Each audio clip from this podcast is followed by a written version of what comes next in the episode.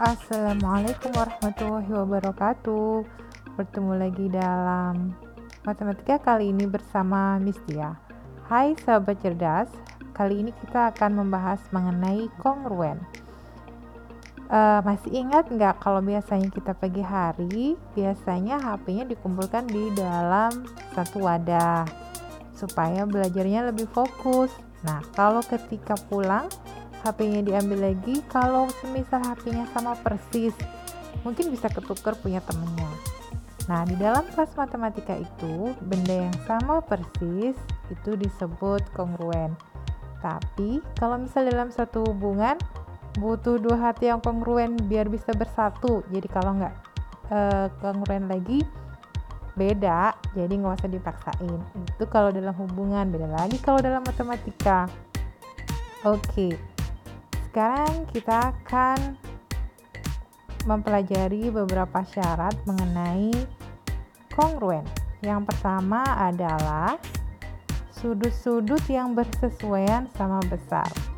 Kemudian, sisi-sisi yang bersesuaian sama panjang. Jadi, semuanya bentuknya sama persis satu sama lain. Nah, sekarang tugas kalian adalah melihat sekeliling kalian apakah ada benda yang kongruen.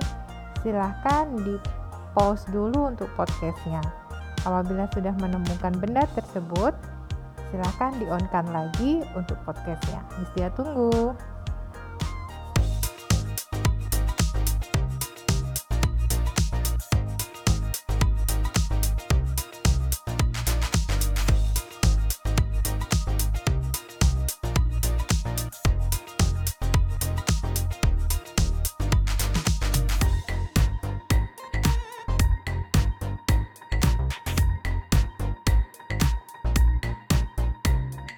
Temukan barangnya atau benda.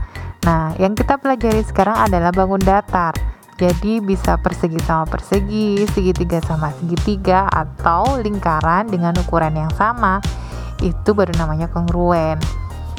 Kongruen dan kesebangunan itu ada perbedaan. Kalau kesebangunan bentuknya sama tetapi ukurannya berbeda.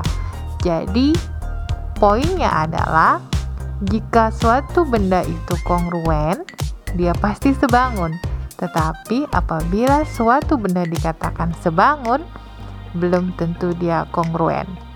Oke, hari ini kita sudah membahas mengenai kongruen. Sampai jumpa lagi di next meeting bersama Miss Dia. Wassalamualaikum warahmatullahi wabarakatuh. Dan tetaplah menjadi sahabat cerdas.